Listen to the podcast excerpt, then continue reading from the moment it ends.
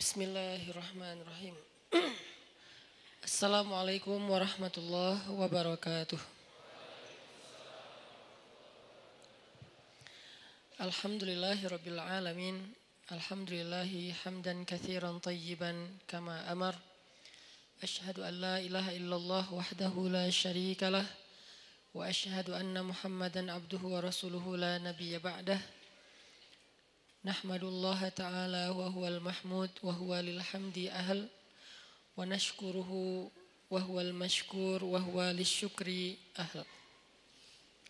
اللهم صل وسلم وبارك على سيدنا وحبيبنا ونبينا وعظيمنا محمد وعلى آله وصحبه ومن تبعه إلى يوم الدين. رب اشرح لي صدري ويسر لي أمري واهلل عقدة من لساني يفقه قولي.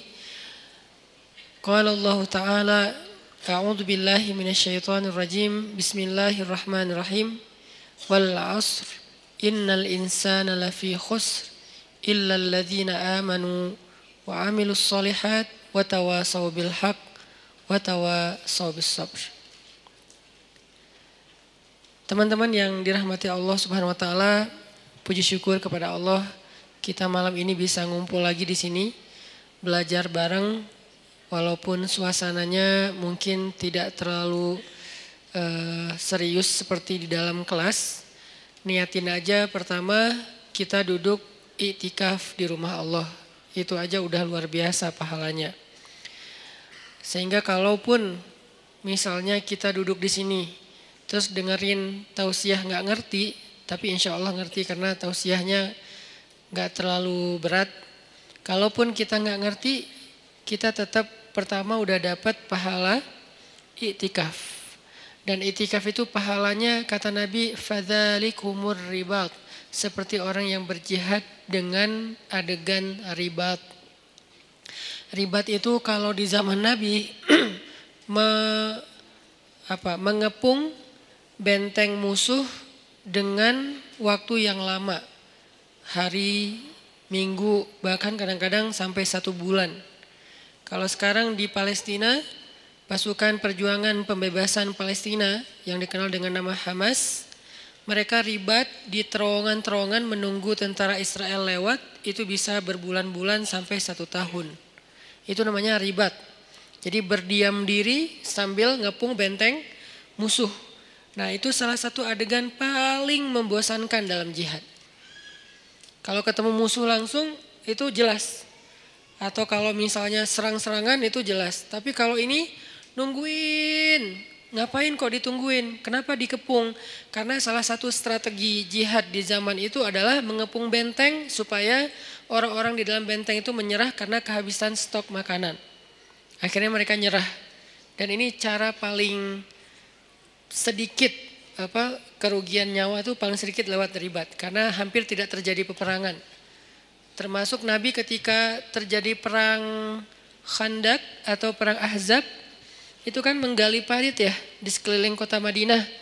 Nah musuh datang ngepung sehingga kaum muslimin nggak bisa keluar untuk mendapatkan logistik. Nah dalam masa pengepungan itu Allah Subhanahu wa taala mendatangkan angin yang kencang dan dingin sehingga akhirnya pasukan Abu Sufyan atau pasukan orang kafir itu harus meninggalkan pos mereka dan terbukalah jalur akses logistik untuk kaum muslimin. Itu disebut dengan ribat. Dan orang yang melakukan ribat ini terkenal dengan sabarnya. Orang yang melakukan ribat terkenal ahli ibadahnya. Karena kalau mereka dalam kondisi ribat, nganggur, apalagi main game, terus habis baterai, nggak bawa power bank, kan susah ya. Nah, sehingga orang yang ribat itu dia nggak entertain. Entertain mereka itu ketika ribat apa? Tilawah. Entertain mereka ketika ribat apa? Sholat. Karena sholat buat mereka itu entertain, hiburan kalau bahasa lebih sederhananya. Soalnya Nabi SAW pernah bersabda ketika mau sholat asar, Nabi bilang kepada Bilal, "Ya Bilal, arihna bis sholah. Wahai Bilal, istirahatkan kami dengan sholat." Jadi buat mereka sholat itu istirahat. Nah ini namanya ribat. Yang mampu melakukan amal ini hanya orang-orang istimewa saja. Yang kekuatan sabarnya luar biasa. Dan ayat ribat itu ada di akhir surat Ali Imran. Ya ayyuhalladzina amanu sabiru wasabiru warabitu. Rabitu ribat. Ya ayyuhalladzina amanu sabiru wasabiru warabitu. Dia level ketiga. Wahai orang yang beriman, bersabarlah. Kita aja masih di level ini nih, belajar sabar. Wasobiru, kuatkan kesabaran. Maksudnya apa? Ini untuk level kedua yang ujiannya nggak habis-habis. Kalau bersabar itu ujian pertama, misalnya uh, ujian sebutlah sakit. Itu isbiru. Udah sakit, nggak punya duit, wasobiru. Udah sakit, nggak punya duit, nggak ada yang perhatiin. Nah ini nih wasobiru nih. Jadi bukan hanya is isbiru. Jadi kalau ada teman kita sakit isbiru, isbir, sabar ya, is, sabar ya gitu. Tapi kalau gue bukan cuma sakit fisik tapi Nah, kalau udah masuk ke dalam lebih lebih ini lagi tuh berarti udah wasobiru. Berkali-kali terus saja diuji dengan ujian yang bertubi-tubi. Udah sakit, tadi eh, ditinggalin orang yang dia udah sempat kegeeran, atau diharkosin, ya harapan kosong gitu kan, atau di apa eh, teman-temannya pada cuek sama dia, nggak ada yang peduli, keluarganya jauh, nggak punya uang, dan segala macam bentuk ujian kalau udah terkumpul atau beruntun datang ke dalam kehidupan seseorang, maka kalimatnya wasobiru, kuatkanlah kesabaran. Ini level kedua.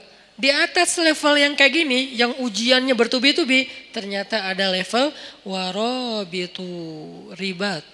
Berarti ribat itu lebih daripada sabar dan kuatkanlah kesabar, kesabaran. Kayak Nabi Ayub itu sabar atau kuatkan kesabaran? Kenapa? Karena ujian beliau bukan cuma sakit. Pertama sakit. Kedua anaknya satu persatu meninggal. Setiap tahun meninggal satu, setiap tahun meninggal satu, sampai habis semua anak beliau.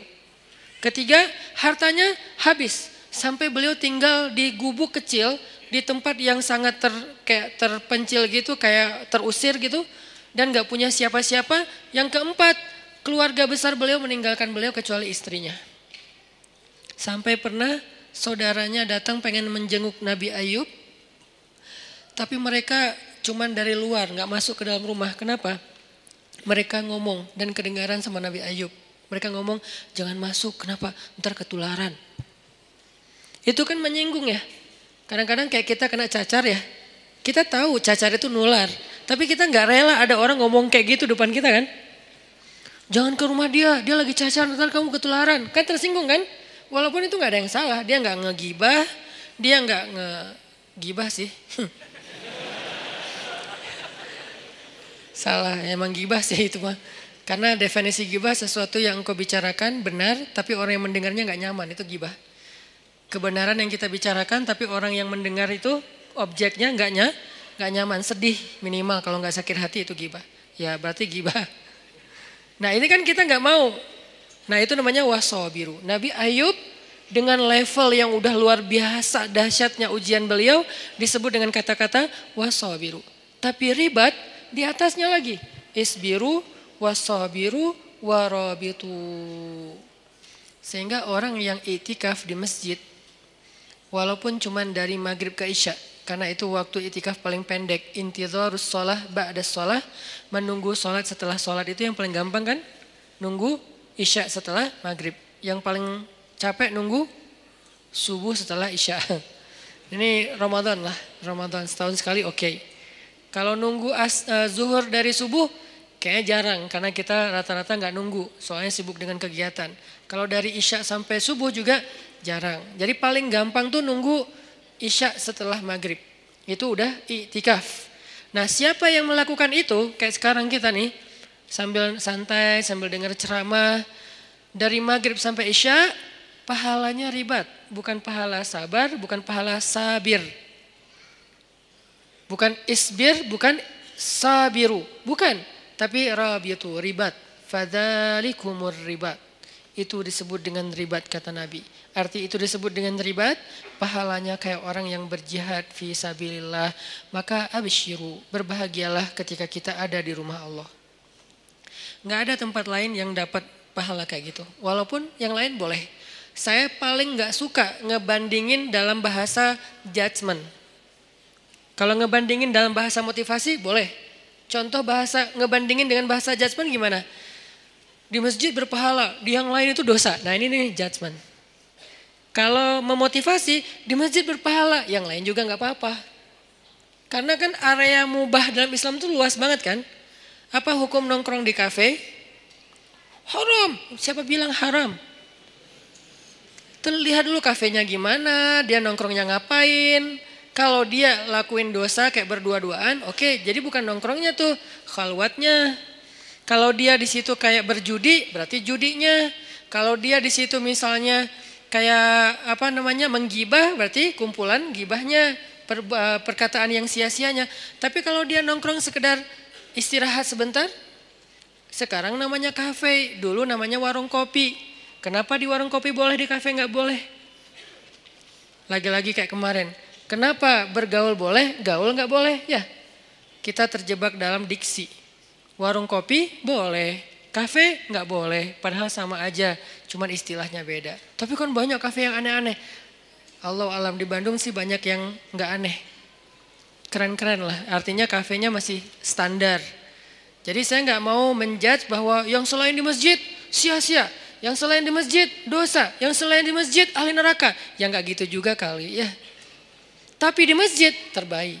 Itu udah pasti. Nggak boleh diragukan dan nggak boleh diperdebatkan. Kenapa? Karena sebentar aja di masjid pahalanya udah kayak jihad. Ada gitu tempat kayak gitu di di luar? Ada. Di tempat orang sakit. Siapa yang datang ke rumah sakit atau ke rumah orang yang sakit, maka dia seperti berjalan di antara taman-taman surga. Seperti berjalan di antara taman-taman surga. Itu maksud Nabi itu sebaik-baik tempat di muka bumi itu masjid, maksudnya motivasi, bukan ngebanding-bandingin terus di apa coret semua selain masjid, nggak gitu juga. Jadi buat teman-teman kadang ada yang nongkrong di mana, ada saya juga nongkrong. nggak apa-apa, tapi masjid harus jadi tongkrongan favorit. Yang lain kayak gimmick atau tambahan-tambahan kayak apa bonus lah ya. Tapi tongkrongan paling favorit itu adalah nongkrong di masjid. Kalau ada yang nanya di masjid kok nongkrong? Ya nongkrong itu bahasa Arabnya majelis. Iktikaf, iktikaf itu artinya berdiam diri. Berdiam diri bahasa anak mainnya nongkrong. Ya, sama aja. Jadi ini terjemah. Satu, niatin iktikaf. Niatnya gimana Ustadz? Saya iktikaf, udah selesai gitu. Gak perlu ribet-ribet, gak perlu misalnya harus, aduh cari dulu di googling. Niat itikaf boleh. Nggak apa-apa pakai bahasa Arab. Tapi kalau nggak ngerti bahasa Arab aniyah fil qalb. Niat itu di dalam hati. Ya nggak masalah juga. Niatin aja ya Allah saya lagi itikaf di rumah engkau. Izinkan ya saya jadi tamu. Diam sebagai tamu. Tamu mah jangan terlalu maco ya. Loncat sana loncat sini guling-guling. Nah ini mah kalau di rumah kita ada yang kayak gitu gimana anak kecil aja, dede dede, takut pecah inilah apa segala macam. Nah apalagi rumah Allah. Bertamu tenang, saking tenangnya sakinah. Bangun-bangun udah azan isya gitu kan ya. Jadi niatin itikaf. Yang kedua, niatin benar-benar dari rumah tadi tuh. Pas teman-teman berangkat ke sini, niatin ngapain? Mau tolabul ilmi, mencari ilmu. Mencari ilmu pahalanya gimana? Dari rumah ke sini dihitung sama malaikat. Berapa jaraknya? Nanti dikali sekian. Minimal kali 10, minimal. Nggak ada yang kurang dari 10 dalam amal soleh dalam Islam tuh. Eh, al hasanatu bi ashri amthaliha kata ulama. Kebaikan itu 10 kali lipat dan itu diambil dari hadis. Minimal 10, maksimal bi ghairi hisab, nggak ada batas. Itu maksimal.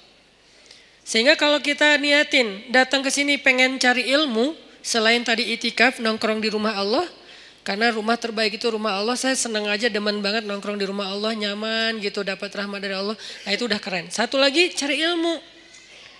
Sehingga jarak dari uh, rumah ke tempat kita ini, ke masjid, nanti dikali sekian oleh malaikat, mudah-mudahan dikalinya eh, ribuan.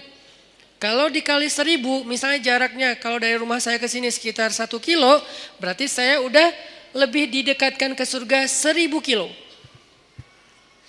Jadi saya motong jalan ke surga seribu kilo. Dari mana hitungannya Ustaz? Dari hisap. Dari padang mahsyar. Orang lain jalan seribu kilo, itu berapa lama jalan kaki seribu kilo teh? Seribu kilo dari sini mana?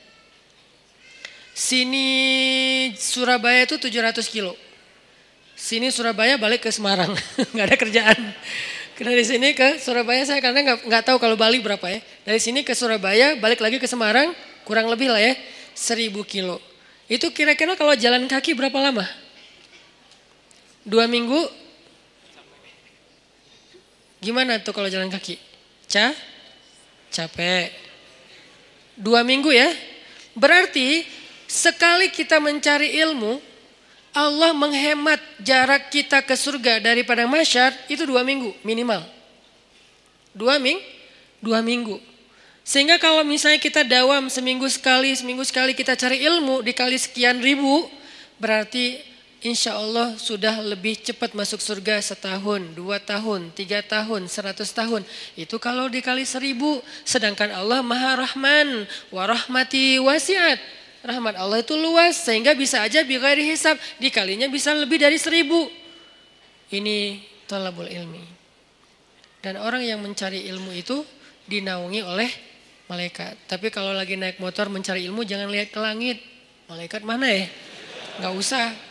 Karena pasti ada malaikat lagi naungin kita. Naungin itu gimana? Menaungi dengan rahmat, dengan doa. Ya Allah beri dia kasih sayangmu, ampuni dosa dia. Beri dia kasih sayangmu, ampuni dosa dia. Yang merasa banyak dosa, cari ilmu. Yang merasa banyak dosa, duduk dalam rumah Allah. Itu didoain terus-terusan oleh malaikat. Itu aja udah keren. Belum lagi yang lain-lain. Ada doa-doa yang eh, niat-niat yang khusus. Ya terserah. Yang penting hasanah kebaikan. Maka mudah-mudahan malam ini kita duduk di sini doang udah kemenangan. Kata Allah, ulaika ala hudam mir rabbihim wa ulaika humul muflihun. Ketika kita ala hudan berada di dalam jalannya Allah yang baik, yang benar yaitu di masjid, cari ilmu, berarti muflihun, orang yang beruntung. Qad aflahal mu'minun. Dan seperti inilah harusnya kita menghabiskan usia kita terutama anak muda. Sehingga malam ini kita membahas tentang mager. Ini termasuk mager yang berpahala. Magernya di masjid. Gimana magernya? Gak gerak. Santai. Ada tempat bersandar, bersandar. Tapi jangan rebutan tiang. Sedapatnya aja. Yang gak dapat pun gak masalah. Jangan berkecil hati. Gak dapat tiang, jangan berkecil hati. Bisa di depan, Nanti hitungannya gimana Ustaz? Mana yang lebih utama ketika kita hadir dalam kajian ilmu? Duduk dekat tiang atau duduk dekat Ustadz? Tergantung. Kalau capek banget cari tiang. Kita harus berlapang dada dengan semua kondisi orang ya. Nggak boleh kita menjudge. Jangan-jangan yang cari tiang tuh kayaknya nggak ada niat banget nyari ilmu. Belum tentu. Kita mungkin kalau secapek dia bahkan datang juga enggak. Dia masih mending udah datang walaupun bersandar di tiang. Yang penting jangan sampai pagi, udah sampai beres talim pulang. Ini artinya teman-teman bahwa eh, ini termasuk di antara meng, cara menghabiskan waktu yang paling berkah tuh. Duduk di masjid, dengerin ilmu, salah satunya, bukan satu-satunya, karena kebaikan tuh banyak banget. Nah, sesuai dengan judul kita, itu kaitannya dengan wal asr ya, demi masa, innal insana lafi khusr manusia itu dalam kerugian illalladzina amanu wa amilus solihat wa tawasaw bil haq wa tawasaw sabr. Kecuali orang yang secara yakin dia orang yang beriman, secara zahir dia orang yang beramal soleh, dan secara mental dia orang yang, eh, secara eh, sosial dia orang yang bergaul dalam bentuk watawaso bil haq watawaso bis sabr. Itu orang yang beruntung. Tapi saya bicara tentang memanfaatkan waktu dengan baik, saya mau membawa kita ke sebuah hadis Nabi Shallallahu Alaihi Wasallam tentang tujuh golongan yang mendapatkan naungan Allah pada hari ketika tidak ada naungan kecuali naungan Allah. Sab'atun yudhilluhumullahu fi dhillih yauma la dhilla illa dhilluh. Dan dari tujuh golongan ini kita nggak akan bedah satu persatu. Kita ambil satu aja, nomor dua. Kalau nomor satu apa? Imamun adil. Imam yang adil. Imam yang adil ini siapa? Pasangan ustadz. Bukan. Itu imam hidup. imam yang adil. Imam yang adil itu maksudnya pemimpin. Pemimpin yang adil. Jadi dalam Islam itu pemimpin baru disebut benar itu bukan hanya soleh sendiri jadi kalau ngelihat pemimpin, jangan ngelihat dia rajin tilawah. Itu urusan dia dengan Allah. Itu personal. Dia rajin tahajud. Itu personal, walaupun itu keren. Tapi baru disebut dengan Rashidin, orang yang lurus ketika dia adil. Dalam Islam itu kalau ngomongin pemimpin itu rata-rata yang dibahas adalah kerjanya adil. Kepada rak, rakyatnya. Bukan, oh itu pemimpin terbaik. Kenapa? Ahli Qiyamul Lail. Bukan itu babnya. Kalau Qiyamul bab abid. Bab seorang yang ahli ibadah. Rajin tilawah. Bab hafiz qari. Bab orang yang menjaga Al-Quran. Bab apa lagi? Umroh itu bab mu'tamir. Orang yang memakmurkan Masjidil Haram. Tapi kalau babnya imam, amir, apalagi istilah yang lain, maka yang diambil dari dia itu adalah keadilannya. Apakah dia adil terhadap rakyatnya? Kenapa kok adil? Karena adil ini universal. Dia bukan pemimpin bagi umat Islam saja, tapi dia pemimpin bagi semua orang yang ada di dalam tempat wilayah tanggung jawab dia. Ada muslim, ada non-muslim. Apakah dia berlaku adil kepada siapa pun? Adil di sini dengan makna yang sebenar-benarnya. Bukan subjektif diinterpretasi sesuai dengan kepentingan. Bukan, dengan makna yang sebenarnya. Nah yang kedua, sebelum kita salat isya. Yang kedua, yang paling penting malam ini akan kita bahas Syabun nasya'a fi ibadatillah. Pemuda yang tumbuh dalam ketaatan kepada Allah Subhanahu wa taala. Pertanyaannya, siapakah pemuda? Apakah kita masih termasuk pemuda? Kemudian apa yang dimaksud dengan tumbuh dalam ibadah kepada Allah? Saksikan episode setelah sholat isya. Barakallah fiqh. Bismillahirrahmanirrahim. Teman-teman semuanya yang disayang Allah Subhanahu wa taala. Tadi kita membahas tentang niat kita hadir ke sini dan itu juga salah satu di antara amal solih dan kebaikan yang kita dapatkan hanya dengan sekedar duduk di masjid. Kalau kita lelah istirahat di masjid. Kalau kita galau mengadulah kepada Allah di dalam masjid. Kita punya masalah, mintalah pertolongan Allah di dalam masjid. Jadi masjid itu harus jadi tempat favorit kita. Sebagaimana firman Allah Subhanahu wa taala di surat At-Taubah bahwa di antara ciri orang yang beriman adalah orang yang memakmurkan masjid. Ayat ini kemudian diperjelas dengan hadis kalau kamu melihat seseorang itu bolak-balik ke masjid, rumah, masjid, rumah, maka saksikanlah kalau dia itu adalah orang yang beriman. Kalau dia beriman, maka dia punya hak mendapatkan semua kebaikan yang Allah janjikan kepada orang yang beriman. Apa janji orang Allah untuk orang yang beriman? Wabashiril ladzina amanu وعملوا الصالحات أن لهم جنات Allah janjikan untuk mereka jan jannat maka untuk mendapatkan jaminan memperoleh surga jadikanlah diri kita punya ciri-ciri khasnya orang yang beriman salah satu di antara ciri khas orang beriman dia senang ke masjid dia tidak perlu tinggal di masjid, tapi dia senang untuk datang ke masjid. Ini artinya bukan hanya sholat lima waktu, mencari ilmu, sekedar istirahat, nongkrong, tilawah, sholat duha. Walaupun tidak ada keharusan sholat duha atau sholat sunnah itu di mas di masjid, karena emang ada sunnahnya sholat sunnah itu di rumah. Tetapi tidak masalah kita lakukan di masjid juga. Nanti di rumah ada bagian sholat sunnah-sunnah yang lain. Nah, berkaitan dengan judul kita mager pada malam ini, saya pengen ngangkat hadis tentang tujuh golongan yang mendapatkan naungan Allah di padang mahsyar. Hari ketika nggak ada lagi naungan, arti nggak ada naungan, kita nggak akan nemu pohon di sana. Karena dalam konteks uh, literasi Islam yang disebut dengan naungan itu nomor satu tuh pohon. Kita nggak akan nemu pohon di padang mahsyar. Karena semua areanya satu bumi yang ukurannya seribu kali lebih besar daripada bumi tempat kita tinggal sekarang. Dan namanya tetap bumi. Bumi mahsyar namanya. Kalau di akhir surat Ibrahim Allah nyebutnya Yauma tubaddalul ardu ghairal ardi was samawat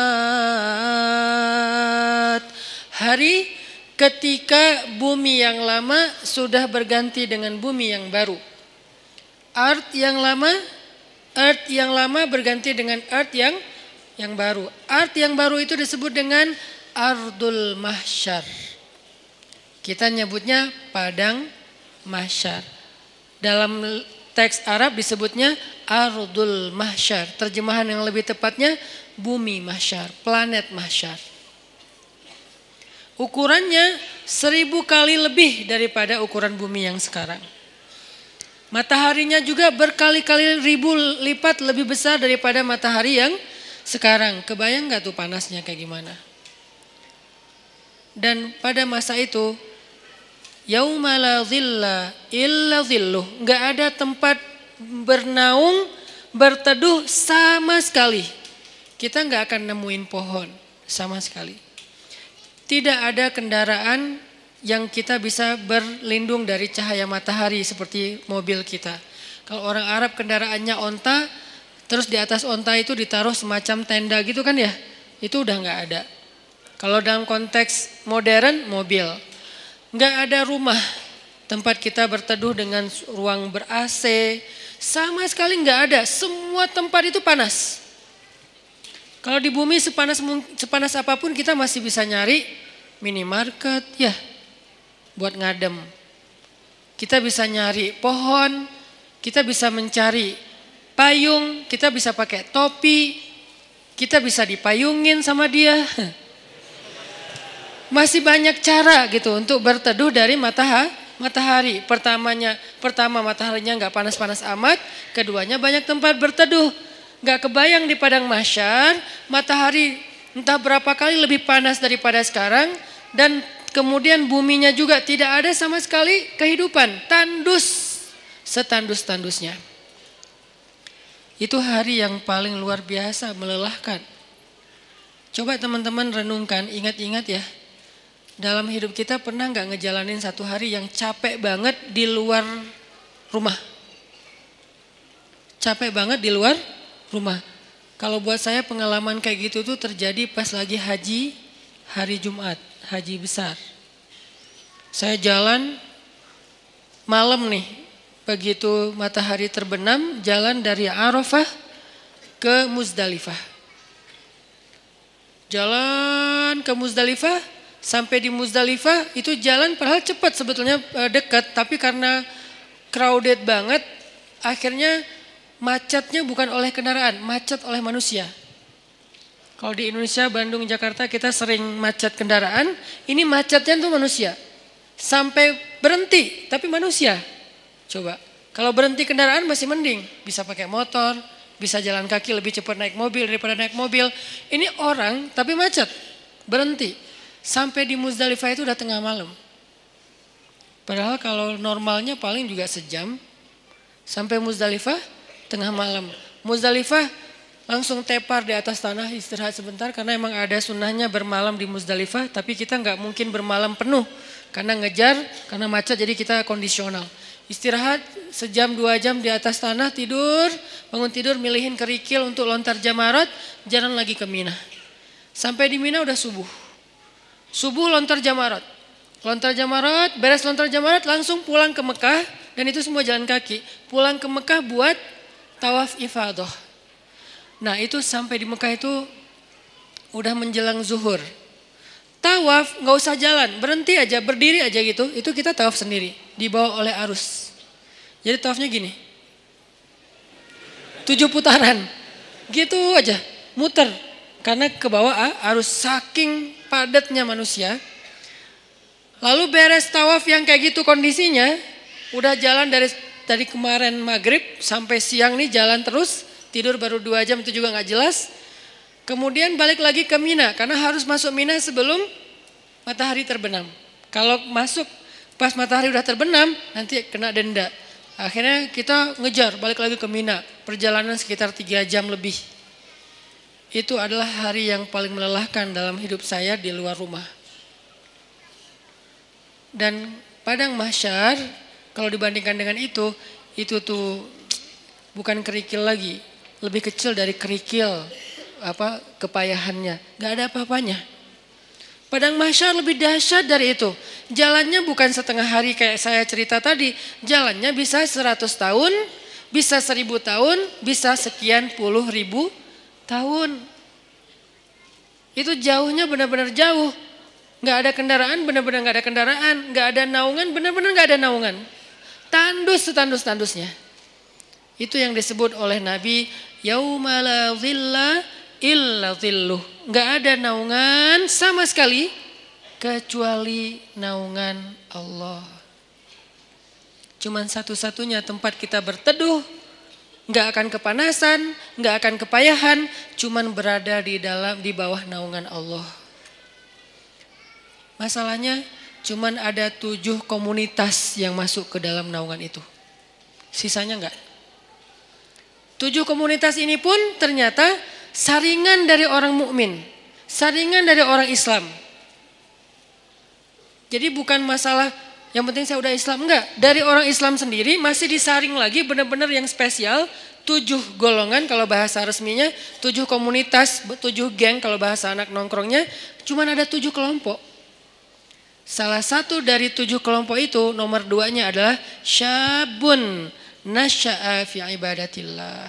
Pemuda yang tumbuh dalam ibadah kepada Allah atau dalam ketaatan kepada Allah. Pertanyaannya, apa definisi syab atau pemuda? Secara usia dalam Islam pemuda itu usia di bawah 40 tahun. Itu syab. Secara status belum menikah. Kalau udah menikah Ustadz, udah bukan syab. Karena ujiannya nggak seperti yang belum menikah. Beda, saya pernah ngerasain. Berat. Apalagi ada satu teman saya, kemarin baru ditinggalin mantan. Mantannya nikah. Ngirim pula hasil siapa video-video sama kami, uh, fotonya ke dia. Langsung udah nggak terkontrol Langsung kita pegang rame-rame. Jangan sampai dia nyari tower. Ternyari-nyari tower ngapain lo? Mau benerin Ustaz ada yang rusak.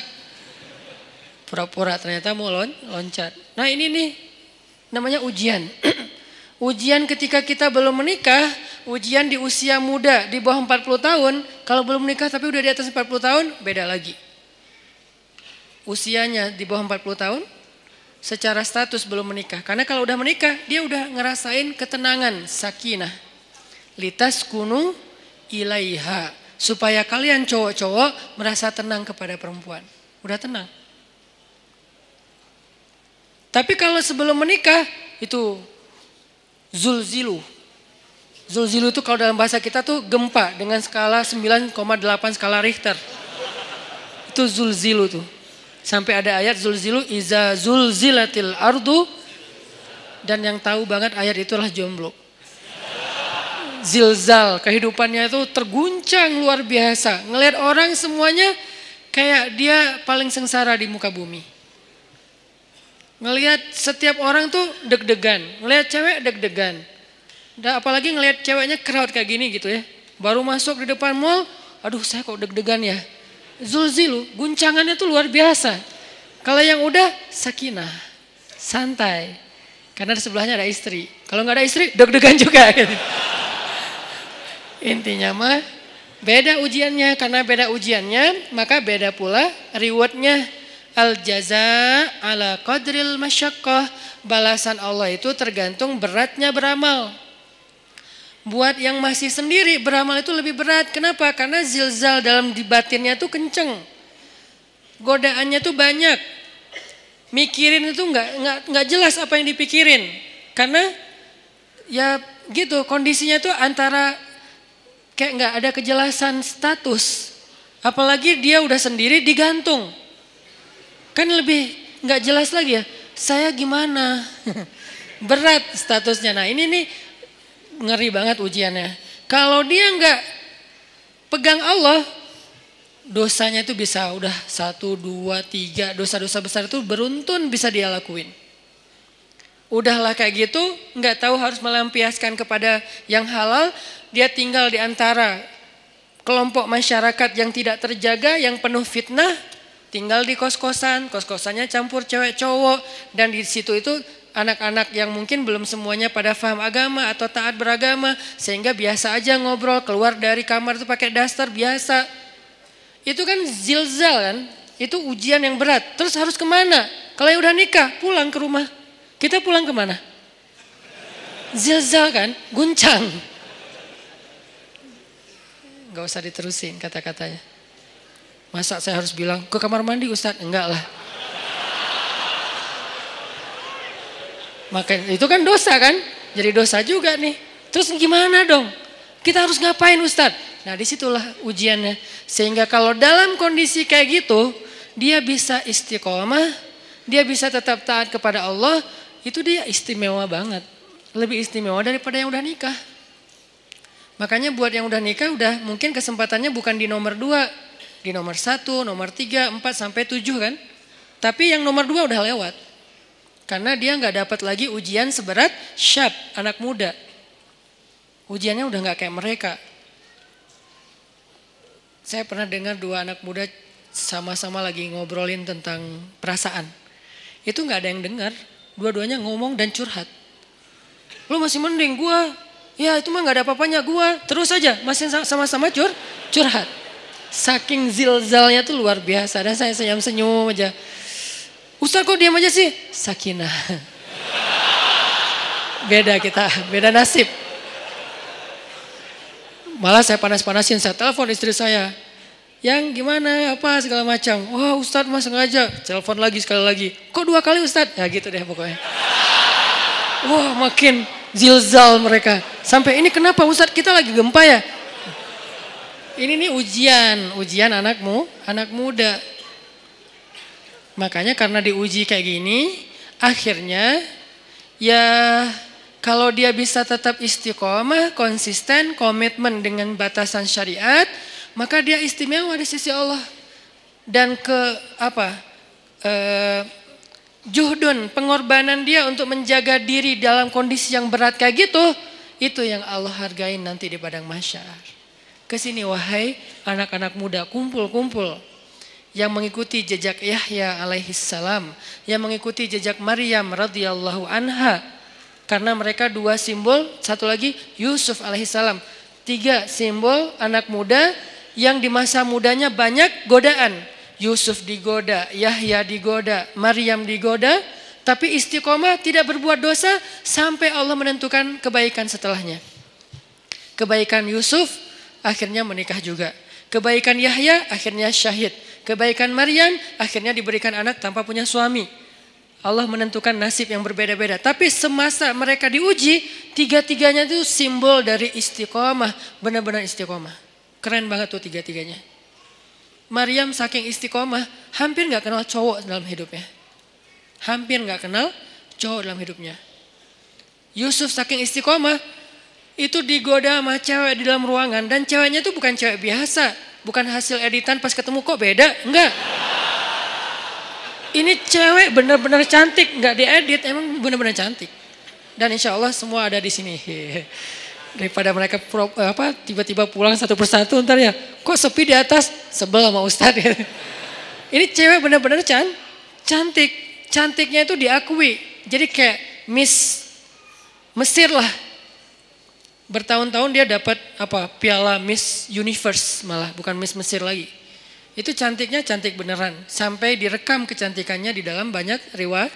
riwayat. Dan dia udah nutup pintu, manggil Yusuf, Yusuf ke kamar, beresin kamar kotor.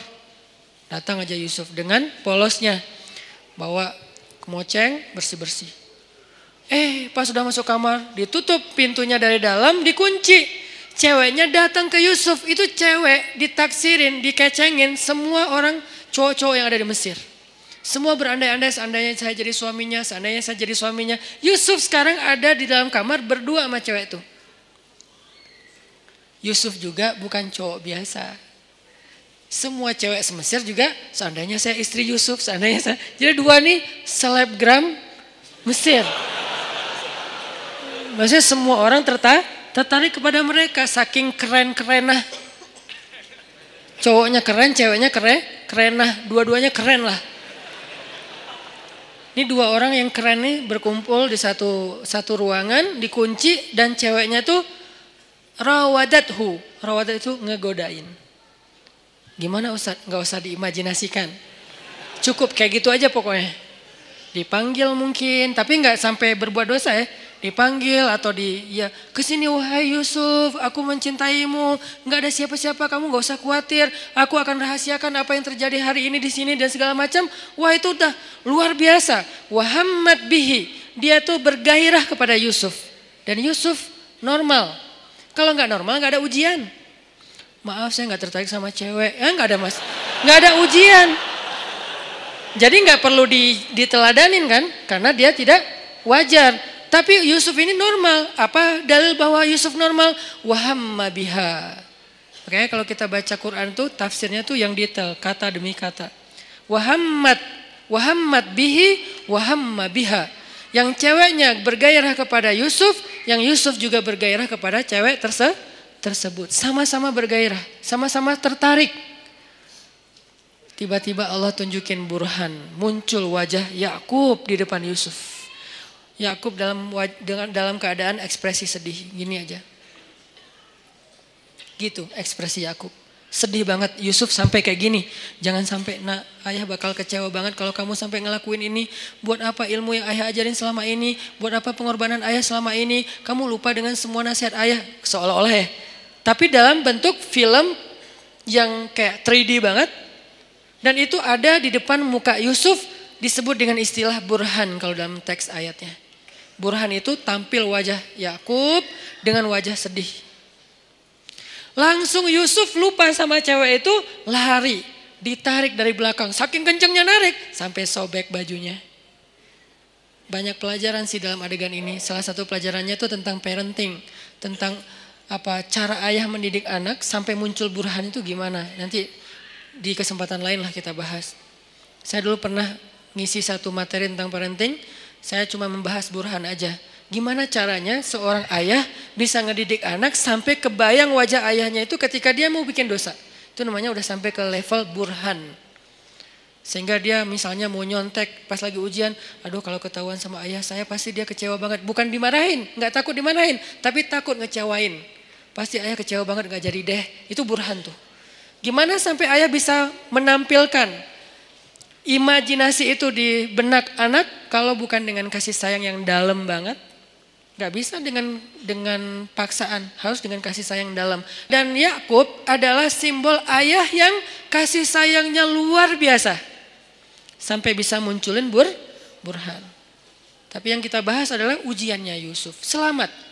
Ini nih baru disebut dengan syabun nasya'a fi ibadatillah. Tumbuhnya itu dalam keadaan taat kepada Allah. Dan ukuran taatnya apa Ustadz? Ukuran taatnya adalah tinggalkan dosa. Kalau bahasa uh, di bio saya sedikit do dosa. Kok pakai kata sedikit nggak nggak punya dosa Ustadz? Nggak boleh kita bilang nggak punya dosa. Arti sedikit dosa itu adalah dosanya yang tinggal yang kecil-kecil aja. Yang besar tinggalin. Yang kecil kenapa kok masih ada? Karena nggak sengaja, lupa. Itu kan ada pasti sisa ya. Nggak mungkin nggak. Kalau kita bilang nggak punya dosa, namanya menkultus diri sendiri. Kata Allah, la tuzakku anfusakum huwa a'lamu bimanittaqo. Janganlah kalian menganggap diri kalian suci, nggak boleh.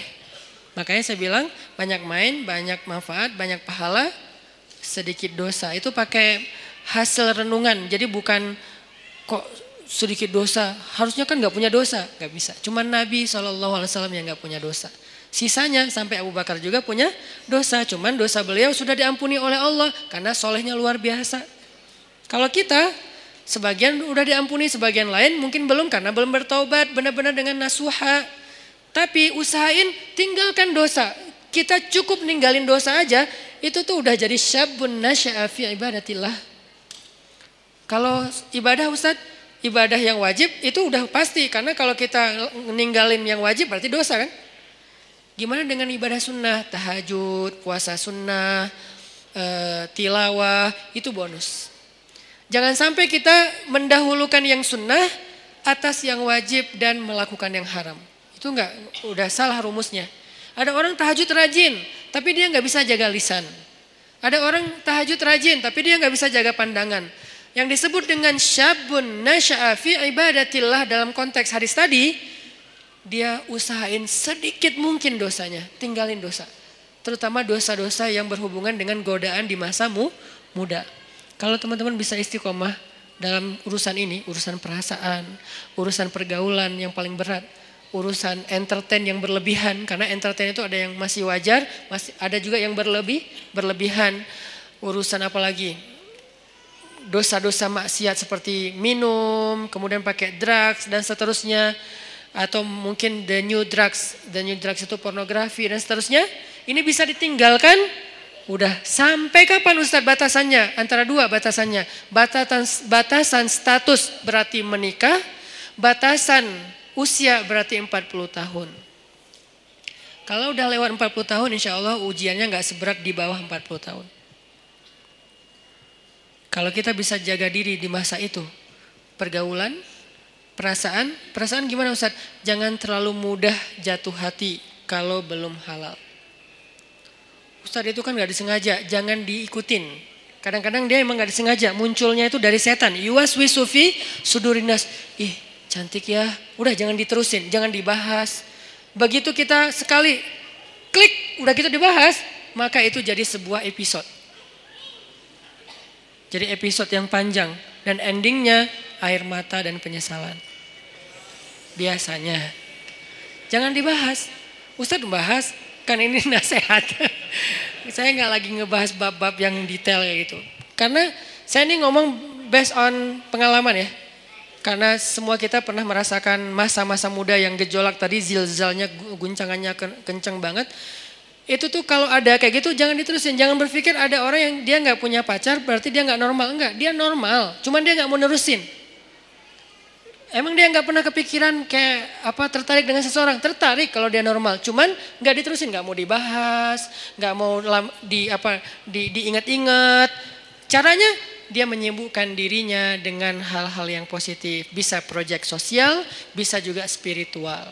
Proyek sosialnya bantu orang, bikin proyek-proyek yang sifatnya healthcare kayak atau kemanusiaan kayak atau apalah atau proyek yang sifatnya spiritual ya kayak ke masjid, itikaf, tilawah, mumpung masih muda, ya udah gua ikut program hafal Quran. Itu menyibukkan diri biar nggak sempat kepikiran yang kayak gitu-gitu.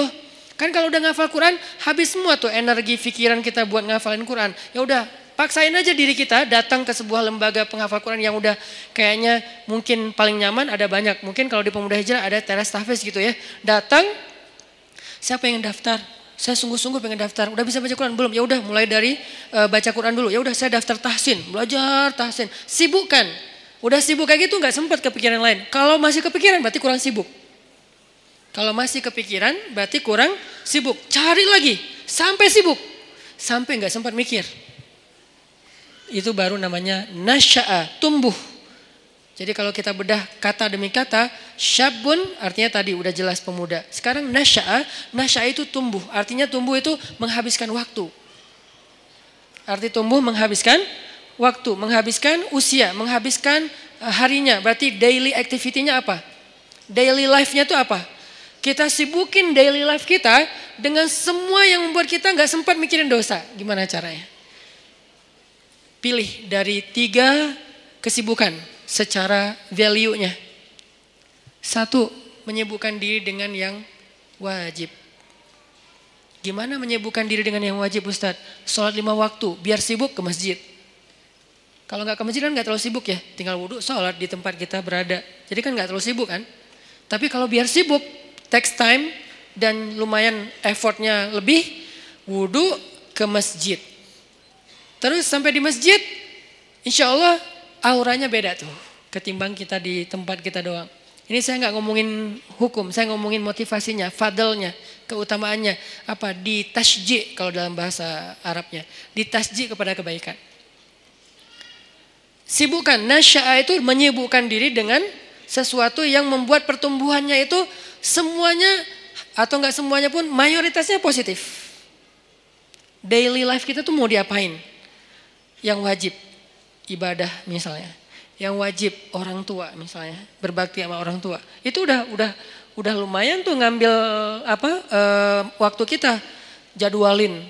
Kalau misalnya kita ngerantau telepon WA jadwalin. Kalau kita dekat sama orang tua tuh datang ke orang tua ada waktu bersama dengan orang tua ngapain gitu. Keluarga kalau dengan orang tua plus dengan adik kakak atau apa. Pokoknya keluarga ini silaturahim kan kalau bahasa lebih ini lagi, silaturahim jalin, sibukkan dengan yang wajib. Ustadz, yang wajib udah sholat lima waktu, telepon orang tua, tilawah sehari minimal dua lembar, minimal itu wajib. Di atas itu sunnah, sejus normalnya idealnya sejus, minimal dua lembar lah sehari. Udah Ustadz, masih banyak waktu kosong, yang sunnah. Sibukkan dengan yang yang sunnah. Yang sunnah apa? Ya tadi kalau ibadah yang sunnah sifatnya sholat sunnah, puasa sunnah, tilawah tambahan dari target dua lembar, apalagi zikir. Ustadz, nggak semua yang sunnah saya sanggup sekaligus karena kan kita nih bukan orang yang keren-keren amat ya Ustadz. Oke, nggak apa-apa. Nggak, yang wajib 10%, oke? Yang sunnah 20%, masih sisa berapa? 70%. Habiskan buat yang mubah, boleh. Karena yang wajib dalam kehidupan kita kan nggak banyak kan sebetulnya. Yang sunnah lebih banyak dari yang wajib. 20%. Atau yang wajib 20%, yang sunnah 30%. 50%-nya mubah. Arti mubah apa? Enggak berpahala, tapi juga enggak dosa. Dia enggak berpahala, tapi juga enggak do, enggak dosa. Emang boleh Ustaz? Ya boleh lah. Makanya Islam itu luas. Syumuliyatul Islam. Orang banyak ngebahas Islam itu dari sisi satu satu bab doang nih parsial banget, wajib aja. Jadi seolah-olah Islam itu ada cuma ada satu kata, harus itu doang atau dua, harus dan haram. Udah. Jadi hidup kita tuh kayak berat banget ya, harus ya. Kalau nggak haram ya, nggak ada pilihan. Karena yang dibahas dari Islam itu parsial banget, cuman bagian kecil. Sementara ada bagian yang begitu luas dalam kehidupan kita 24 jam, itu nggak dibahas. Yang dibahas yang wajib, ke masjid, ke masjid, ke masjid. Tapi kan kita nggak tinggal di masjid kan realitasnya. Gimana kalau kita udah selesai sholat, ngapain lagi Ustadz? Nah berarti kita bahas bab mubah. Mubah, nggak dosa, nggak berpahala. Apa? Entertain. Ketemu temen, nongkrong, tapi nongkrongnya dijaga. Atau yang lebih positif dan tetap dia mubah, main. Main itu dalam kalau bahasa saya maksudnya itu olahraga ya. Cuman kita kalau nyebut olahraga kesannya kayak berat gitu kan kayak ada beban. Main aja lah, tapi yang penting berkeringat. Itu olahraga sebetulnya, cuman main. Kenapa disebut main? Biar sesuai dengan hobi. Jangan dipaksain harus nge-gym semua. Nggak semua orang senang nge-gym, cari treadmill, mungkin mahal. Ya udah, lari aja keliling komplek. Kalau perlu, nanti kita mudah-mudahan di masjid kita ke depan, ada banyak tempat shower kayak di bandara yang ultimate, yang di Terminal 3 kan ada tempat shower tuh. Kalian ke masjid mah lari aja. Jalan kaki minimal. Sampai di masjid, udah siapin handuk kecil, kalau mau jangan pakai handuk, bawa kanebo. Tapi kanebo yang bagus ya, bukan kanebo pas digosok gini kulitnya nempel di kanebo. Atau kanebonya nempel di kulit misalnya. Kanebo yang bagus ya, karena itu paling praktis kalau ini saya tahunya dari teman. Kalau ke laut gitu kan kita sering mandi tuh. Habis berenang mandi. Habis main air mandi pastinya. Kalau bawa handuk nggak sempat kering udah mandi lagi tuh. Akhirnya kita bawa kanebo, kanebo yang bagus beli di salah satu tempat yang terkenal teh. nah, terus uh, pakai kanebo ke masjid sama baju apa kaos ganti yang biasa lah ya, sama parfum apa misalnya kesukaan kalian. Nah mandi itu segar banget loh sholat maghrib habis olahraga habis mandi kan keren ya. Segar banget di masjid disediain shower buat cowok-cowok buat mandi. Ceweknya nggak usah lari. Cewek mah ada tempat sendiri zumba kayak apa apa gym apa yang bagian cewek lah minimal gym. Ini ini olahraga main mubah tapi dia bisa menjaga kita dari dosa. Jadi yang menjaga kita dari dosa itu bukan cuma astagfirullah, astagfirullah, astagfirullah. Oke, okay, tapi kita nggak bisa astagfirullah 24 jam kan? Yang bisa menjaga diri kita dari dosa, sholat dua rakaat. Iya, tapi kan kita nggak mungkin sholat 24 jam. Ya, harus realistis. Waki'i, harus realistis. Tapi juga tetap masali, tetap ideal. Banyak orang yang idealis tapi kurang realistis. Terlalu realistis, jadinya nanti apa? Memudah-mudahkan, tasayyub Makanya dalam Islam itu nggak boleh kita terlalu idealis, perfeksionis, disebut dengan takalluf. Nggak boleh juga terlalu realistis sampai melupakan idealisme, disebut dengan tasayyub. Ada takalluf, ada tasayyub. Dua-duanya nggak boleh dalam Islam. Yang benar wasatiyah. Dia proporsional.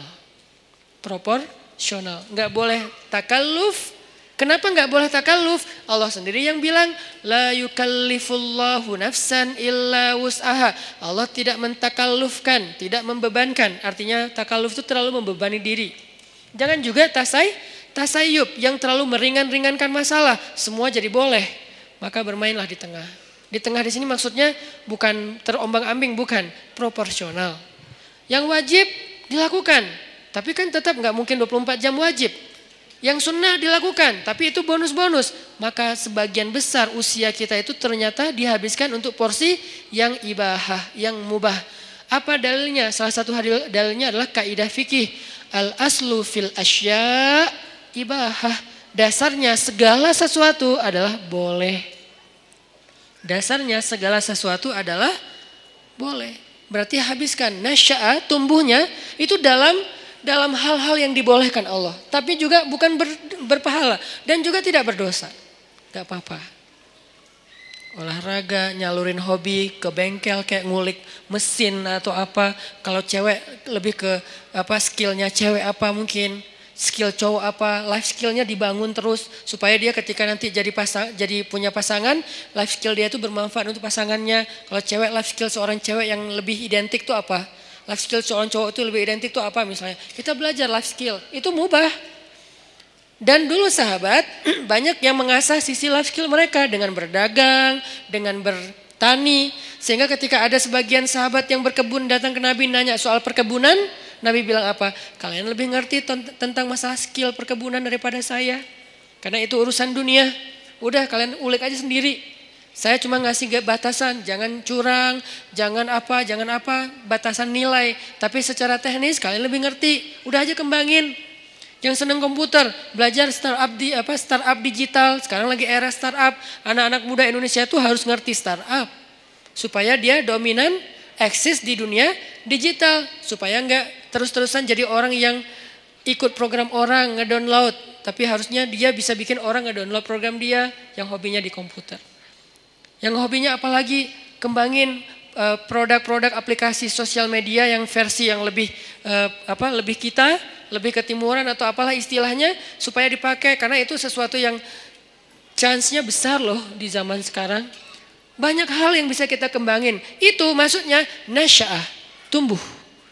Arti tumbuh itu dia punya sesuatu yang yang semakin apa? Yang semakin uh, bermanfaat dari dirinya untuk orang lain, growing.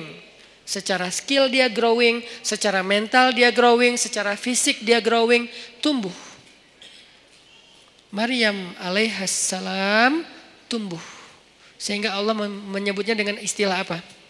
Di surat Ali Imran.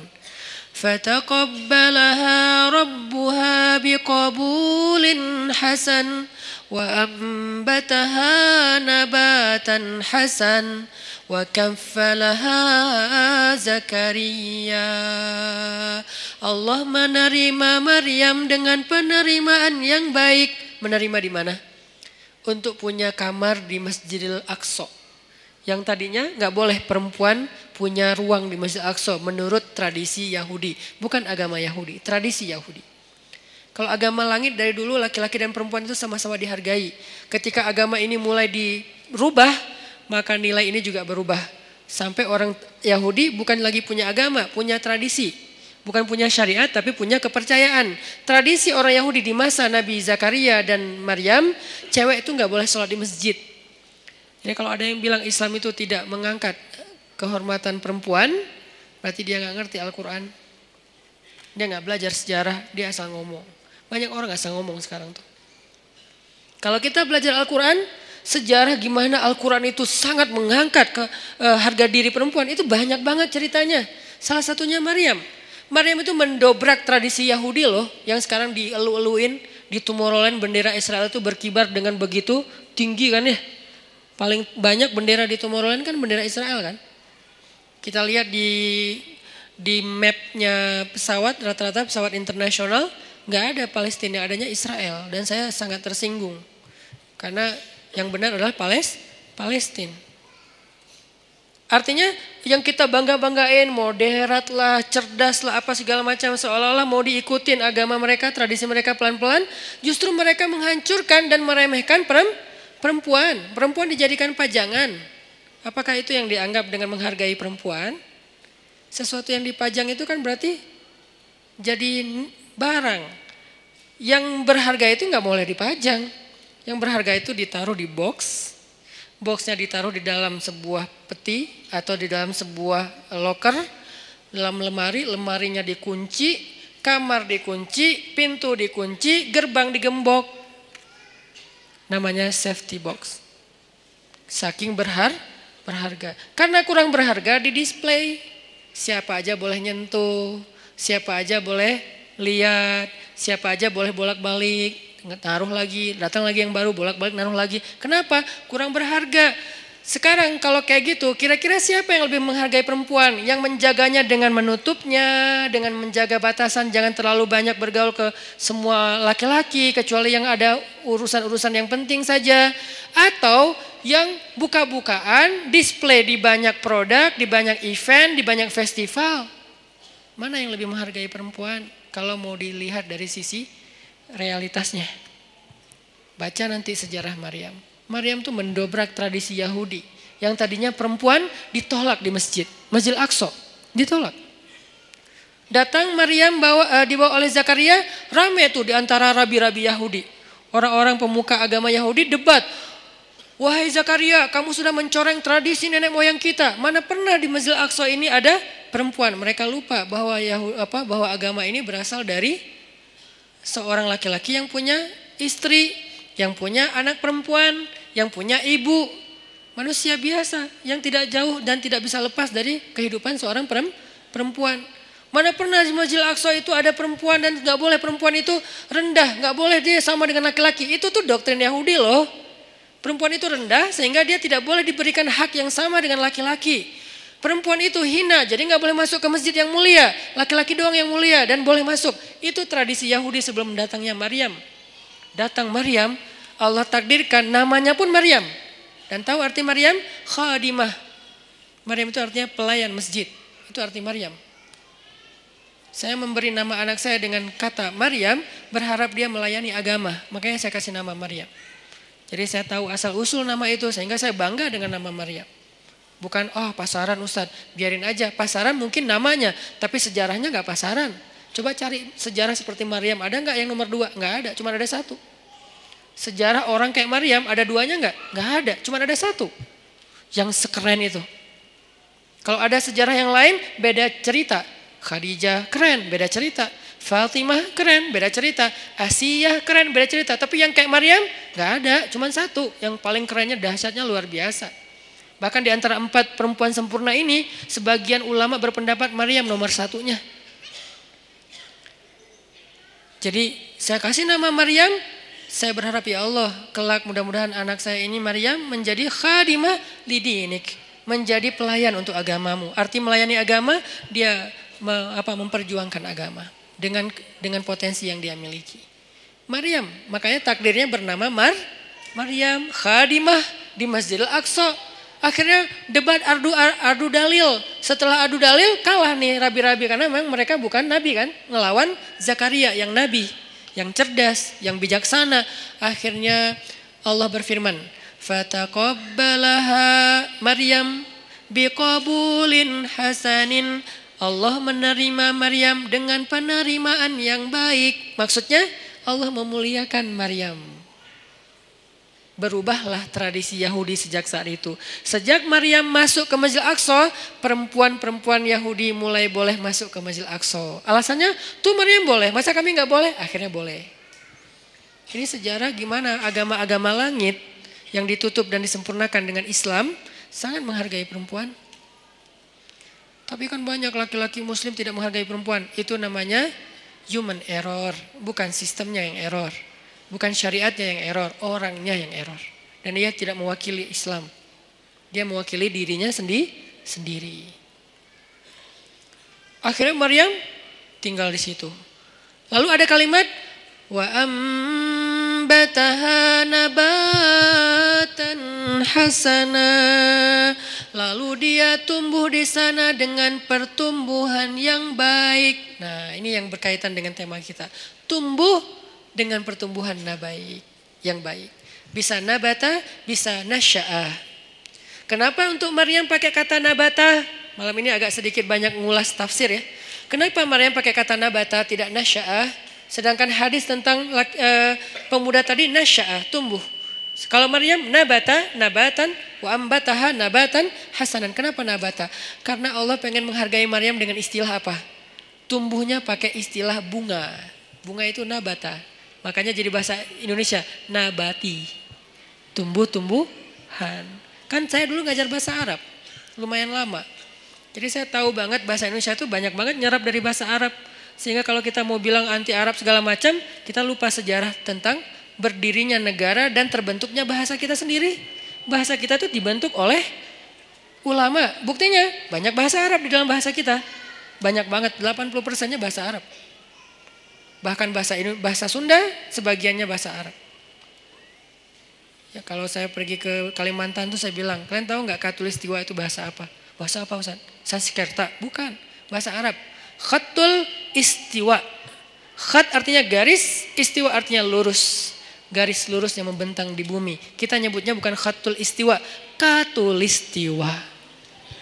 Karena kita nggak bisa bilang kha, jadilah ka.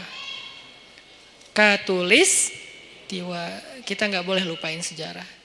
Cuman ini nggak perlu jadi perdebatan karena di sini nggak ada ruang debat. Saya sampaikan. Tapi di sosmed saya nggak mau ngomong kayak gini. Debat nggak penting. Tapi ini bagian dari taskif kita. Nabatan. Allah tuh pengen menghargai Maryam maka disebut dengan nabatan. Bahasa kita nabati artinya tumbuh-tumbuhan. Tumbuh-tumbuhan di sini artinya bunga. Maryam itu kata Allah, kamu itu bunga wahai Maryam. Kamu itu bu bunga. Makanya fitrah perempuan senang bu bunga. Jangan kasih kaktus tapi kan bunga Ustaz. Jangan. Atau jangan juga yang bunga apa yang di Bengkulu teh? Rafflesia. Keren ya? Emang keren tapi bukan untuk dihadiahin ke cewek. Kamu kenapa sih kamu? Enggak, ini bunga buat kamu. Aduh kok gini sih? Nah, bunga, bunga namanya juga bunga bang, bangkai. Jangan kasih bunga ya apalah. Tapi boleh yang asli, boleh yang sintetis, biar nggak layu. ini buat kamu, kok yang kayak gini sih, kan ini nggak asli, biar nggak layu, seperti cinta aku. Oh ya, cinta aku nggak ori, tapi dia nggak layu-layu sih. Apaan sih nggak jelas.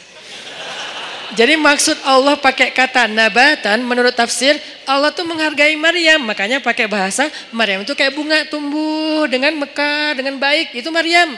Tapi korelasinya dengan pembahasan kita Maryam itu tumbuh dan tumbuhnya dalam bi'ah solihah namanya. Apa arti bi'ah solihah? Lingkungan yang baik. Berarti pelajaran kedua tentang tumbuh yang bisa nanti dapat naungan di padang masyar biar kita termasuk orang yang gak magar adalah cobalah cari biah solihah carilah lingkungan yang baik. Kalau gitu kita nggak boleh gaul sama orang yang nggak baik? Boleh tapi kita jadi ada dua. Ada kebutuhan kita ada lebih ke apa share-nya kita. Kita kalau mau sharing mau giving mau berbuat baik cari orang yang belum baik untuk kita ajak baik bareng tapi kita sendiri juga belum baik-baik amat sehingga kita butuh yang mengajak kita lagi nih. Semua orang saling mencari dua itu tuh. Satu project untuk dia beramal soleh dengan mencari teman-temannya yang belum hijrah, ajak hijrah. Tapi kalau gaulnya sama itu doang, lama-lama kita lemah. Cari juga bi'ah solihah yang bisa ngajak kita, yang bisa ngingetin kita. Watawa sobil hak, watawa sobil sob. Bi'ah solihah namanya. Cari pertemanan. Gimana cari Nih nih, ini lebih ke teknis ya. Gimana cara cari teman yang bisa jaga iman kita?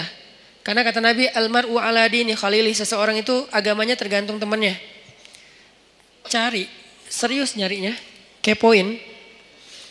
Jadi kalau belum halal nggak usah nyari orang yang mau dipacarin, mending cari orang yang mau disahabatin. Sahabatnya dunia akhirat, yang nanti di padang masyar dia nanya kita, ya Allah, ke mana sahabat saya yang dulu ikut talim bareng? Ke mana sahabat saya yang sering ngingetin tahajud? Ke mana sahabat saya yang ini, ini, ini, ini, ini? Kata Allah, dia di pintu neraka. Bentar lagi mau masuk tuh. Ya Allah, saya bersahabat karena engkau dengan dia di dunia. Selamatin dia, boleh nggak saya tarik dia supaya nggak masuk neraka? Ya Allah, saya selamatin. Boleh, cari aja. Langsung dia kejar ke neraka. Nyari, secepat mungkin dia ke pintu neraka. Ngomong ke malaikat, malaikat dia sahabat saya yang ini di mana orangnya? Itu tuh bentar lagi mau dimasukin. Eh sini sini sini jangan masuk dulu. Akhirnya dikeluarin. Ada apa? Kamu sahabat saya? Iya iya iya kita kan dulu bareng ke TSB. Emang masih disebut Ustaz istilah-istilah kayak gitu? Masih. Apa yang kita rasain di dunia itu masih kita sebut. Dan gak diganti istilahnya loh. Kita masih ngomong kayak gini, kayak gini banget kita ngomong. Kita kan Rabu malam sering ikut talim bareng kan? Iya. Dan seringnya kita di depan halaman kan? Iya.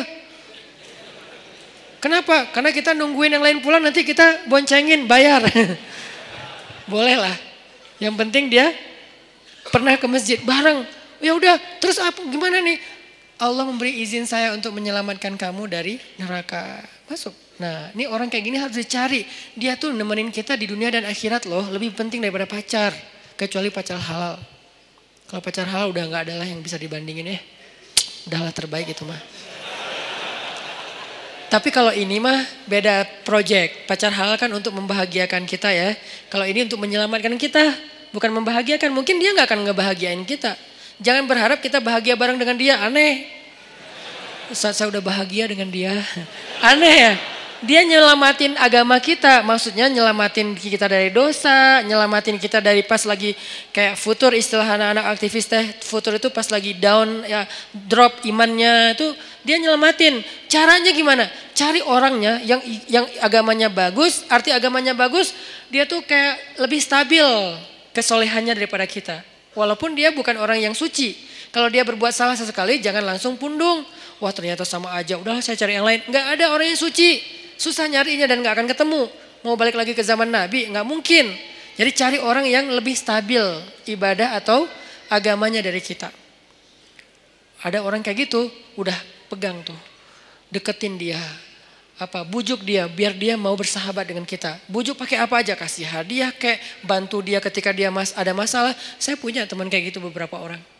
Sengaja saya uh, pegang banget tuh. Salah satunya ada di Tasik yang dulu sempat tinggal di Bandung. Beliau pernah jadi supir angkot.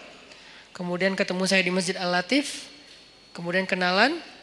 Beliau jadi curhat, saya kerja di angkot sekarang udah mulai agak susah dapat apa e, pelanggannya udah sepi angkot sekarang Ustaz. Ya udah, yuk kita e, usaha yang lain, bikin usaha bareng dia, jual pulsa yang 60 cabang itu, itu bareng dia. Biar dia terdongkrak lah ke penghasilannya.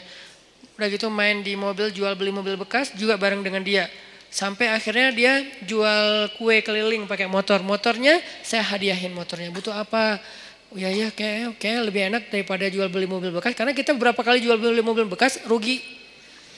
Gak tahu cara milih mobil, ketipu aja ya. Jadi akhirnya udahlah kita nggak usah jual beli mobil bekas gitu ya.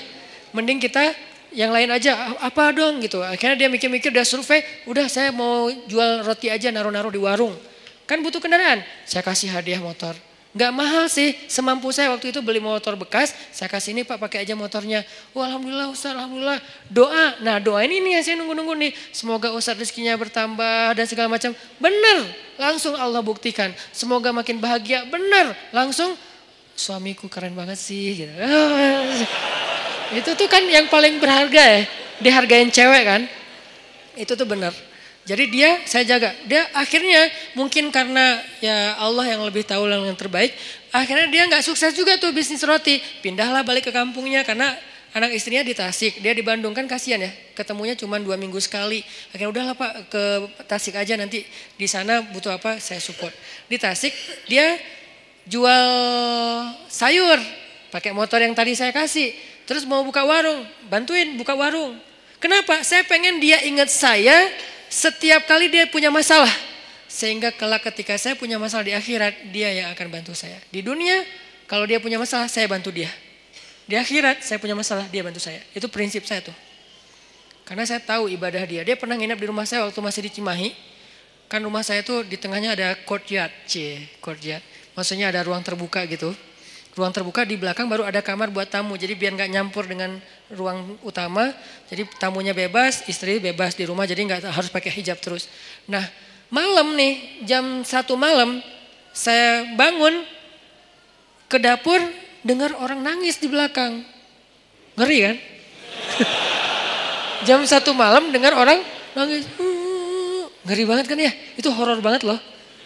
Tapi berhubung waktu itu saya penasaran, saya buka pintu dapur, saya ngeliat pelan-pelan, saya buka. Nih pokoknya kalau ada yang aneh gue tendang nih, gue tendang nih.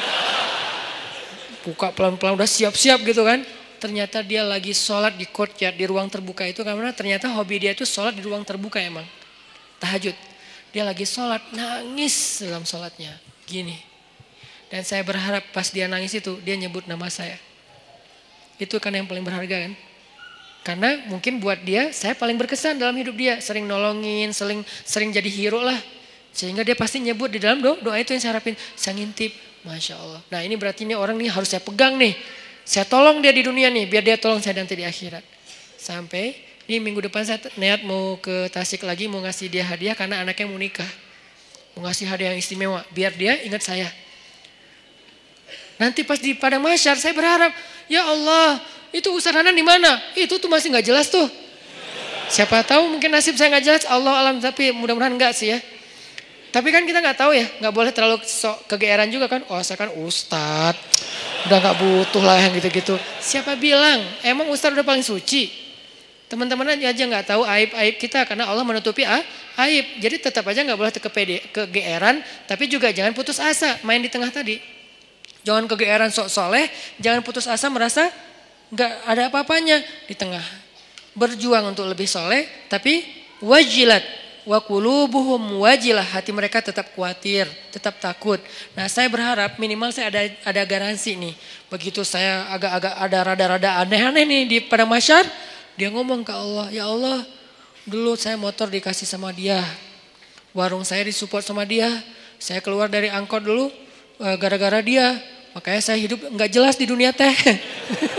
Gara-gara dia semua nih. Ya Allah, dia udah banyak nolongin saya. Nolong, tolong dia dong ya Allah. Boleh nggak saya tolongin dia? Karena nih orang benar-benar ahli ibadah. Saya bareng dengan dia, dia pernah jadi driver saya juga. Bareng dengan dia, dia nyetir ke Jakarta. Eh ke Sukabumi. Kita ada acara di Sukabumi, dia nyetir. Pak, bantuin saya nyetir. Oke, nyetir. Di mobil, saya tilawah surat Al-Muluk. Murajaah hafalan lah. تبارك الذي بيده الملك وهو على كل شيء قدير. ولقد زينا السماء الدنيا بمصابيح وجعلناها رجوما للشياطين وأعتدنا لهم عذاب السعير. وللذين كفروا وللذين كفروا بربهم عذاب جهنم wabi'sal masir. Itu yang lagi nyetir nangis terisak-isak. Saya aja yang tilawah nggak nangis. Kan aneh kan? Pas saya ngeliat, aduh nangis. Ah nangis juga ah. Masa saya yang baca nggak nangis, dia aja yang dengerin nangis gitu kan? Cepet banget air matanya berlinang. Berarti kan hatinya bersih berbaik sangka ya. La nuzaki ahadan Allah. Kita nggak menganggap seseorang suci di depan Allah, tetapi kita berbaik sang sangka. Hatinya bersih, lebih bersih dari saya. Makanya dia lebih mudah nangis daripada saya. Sabar banget sama anak-anak tuh megang banget dia luar biasa pokoknya. Nah ini nih saya pegang nih orang nih nggak boleh jauh. Butuh apa? Saya support. Butuh apa? Saya harus harus punya kelebihan sedikit harta biar kalau ada dia butuh apa-apa saya pasti ngasih. Cuman itu yang bisa saya lakukan. Karena kalau fisik nggak bisa bantu dia, dia fisiknya lebih kuat. Kita bikin mukhayam tuh di Ciwidey, bikin mukhayam anak-anak pemuda hijrah. Becek-becek, becek-becek kita lagi berhenti istirahat dulu mau bangun tenda, dia bangun sendiri tuh. Dia cangkul semuanya. Pokoknya nih kita nyebutnya dia itu ini, uh, istilahnya itu Hulk. Hulk. Kayak Hulk tenaganya, kuat banget. Malam di, di gunung, di Leweng, kita lagi kemah-kemahan gitu nggak jelas Malam-malam jam satu malam kan kita mau tahajud nih, turun ke sungai kan. Yang pertama di sungai udah mandi tengah malam tuh dingin-dingin di Ciwidey dia datang-datang. Kita yang lain tunggu teman, baru turun ke sungai bareng, jangan sendiri-sendiri gitu kan. Dia mah kita lagi nunggu yang lain, eh bangun bangun, pura-pura ngebangunin teman, padahal nggak berani turun. Bangun bangun bangun, udah mau jam satu, bentar lagi kiam, bangun bangun bangun. Pas kita udah pada bangun, dia datang. Hah, Pak, Kok segar banget? Habis mandi Ustaz, di mana? Di sungai. Ustaz saya anterin. Saya pura-pura gengsi gitu dong ya. Gak usah, bisa sendiri gitu. Tapi dia maksa, saya curiga. Sampai sekarang saya tahu kenapa dia maksa nganterin saya. Karena dia baru ngelihat sesuatu di bawah. Makanya dia maksa, dia khawatir. Dia sayang banget sama saya, dia kayak khawatir gitu. Jangan, ntar Ustaz diganggu atau apa. Ustaz saya anterin. Gak usah pak, gak usah. Udah bapak, kan udah selesai wudhu kan. Ya udah tahajud aja duluan. Saya nyusul, saya bilang. Gak usah, gak usah. Hati saya, anterin dong. Ngeri nih. Kan itu tengah hutan. Siapa tahu ada yang lewat putih-putih. Ayat kursi saya hilang. Tiba-tiba hafalan saya apa ya? Udah hafal lupa gitu kan. Aduh ngeri banget gini. Pak Ustadz saya anterin, saya anterin. Gak usah, gak usah, gak usah. Anterin, anterin. Akhirnya maksa dia, dia duluan. Dia pas saya wudhu di bawah di sungai itu dia kayak was-was banget. Saya perhatiin kok dia was-was gini ya. Terus pas kita udah naik, yang lain pada datangnya rame-rame. Jadi dia, oh udah, udah rame tuh. Besok-besoknya saya tanya, dia bilang udah nggak apa-apa Ustaz nggak apa-apa. Tapi saya yakin sampai sekarang dia pasti ada sesuatu makanya dia maksa banget. Nggak pernah dia ekspresinya kayak gitu karena saya kenal dekat sama dia. Tapi dia nggak pernah sekuatir itu sama saya. Ini bukan nakut-nakutin ya. Tapi emang menakutkan sih ngeri. Jadi maksudnya uh, teman-teman intinya adalah itu tuh cara kita nyari bi'ah solihah. Satu, dua, tiga. Kalau ada empat puluh, targetnya empat puluh. Kenapa 40 Ustaz? Hadis. Kalau seseorang meninggal dunia disolatkan oleh 40 orang solih. Dijamin terbebas dari azab kubur, api neraka, pasti masuk surga. 40 dengan kualitas kayak dia, itu nggak gampang loh nyarinya. Bukan 40 orang, 40 orang soleh. Yang solehnya secara zahir kita lihat. Dan kita nggak bisa uh, ngelihat yang batinnya. 40 orang. Mulai dari satu, dua. Dan orang kayak gitu tuh jangan cuman kenal. Kalau cuman kenal nanti di akhirnya juga cuma kenal. Kamu kenal? Kenal. Gitu doang.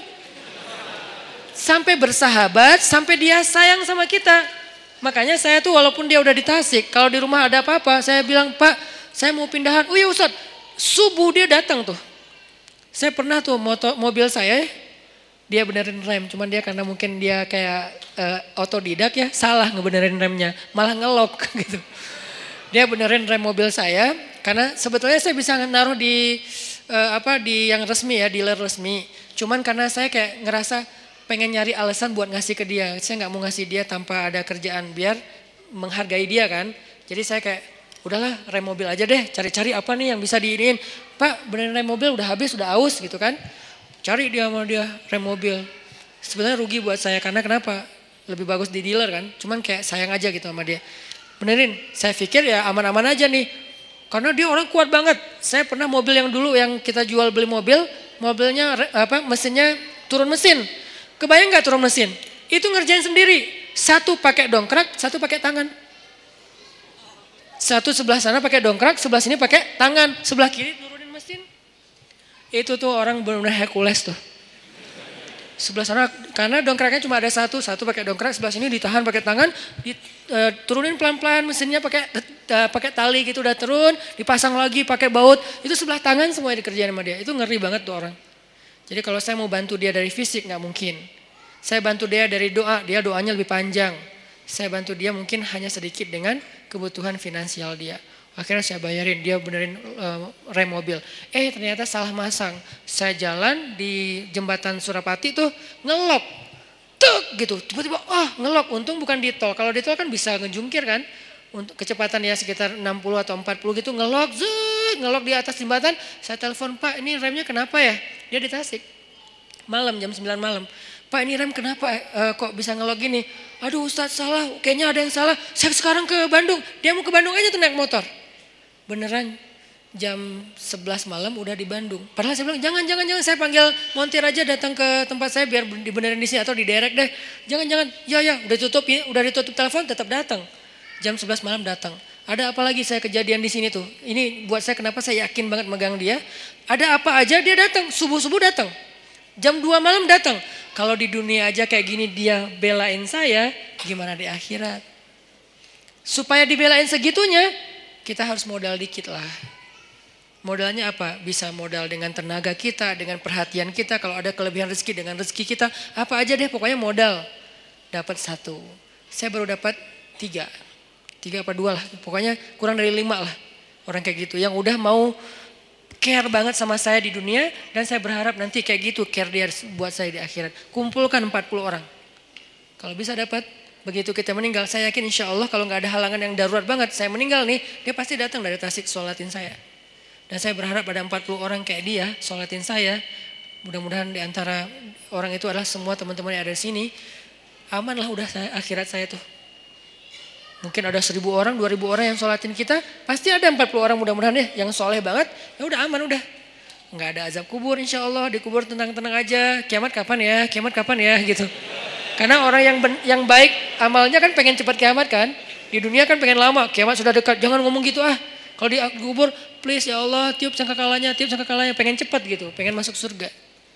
Ini namanya bi'ah solihah, mencari pertemanan yang baik. Kayak gitu teknisnya. Yang terakhir, fi ibadatillah. Kalimat fi ibadatillah ini artinya dalam hal yang tidak berbuat dosa. Satu, pemuda yang banyak godaan, yang penting istiqomah.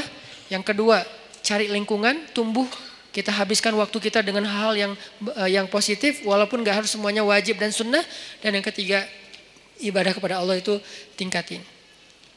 Kayak tadi sibukkan diri kita sampai nggak sempat mikirin dosa. Sibukin. Apa yang bisa bikin kita sibuk? Yang menyenangkan nggak apa-apa, tapi yang bukan dosa sibukin dengan ketemu teman, sibukin dengan uh, apa misalnya ngerjain hobi, sibukin dengan olahraga, sibukin dengan main-main yang bermanfaat, sibukin dengan geng, sibukin dengan proyek sosial, naik lagi levelnya sibukin dengan Al-Quran, sibukin dengan ibadah, pokoknya sibukin diri kita sampai nggak sempat mikirin yang macam-macam. Itu baru namanya syabun nasya'afi ibadatillah. Mudah-mudahan dengan gitu kita udah nggak mager lagi insya Allah. Barakallahu fikum. Semoga semua yang ada di sini, teman-teman yang soleh dan solehah, kelak di padang mahsyar kita saling kenal, saling memanggil, dan saling menyelamatkan, saling menolong, dan insya Allah semua kita termasuk di antara golongan yang Allah sebutkan orang yang mendapatkan naungan Allah di hari ketika tidak ada naungan kecuali naungan Allah. Allahumma inna nas'aluka ilman nafi'a wa qalban khashi'a wa amalan saliha wa rizqan halalan tayyiba. Allahumma ansuril Islam wal muslimin.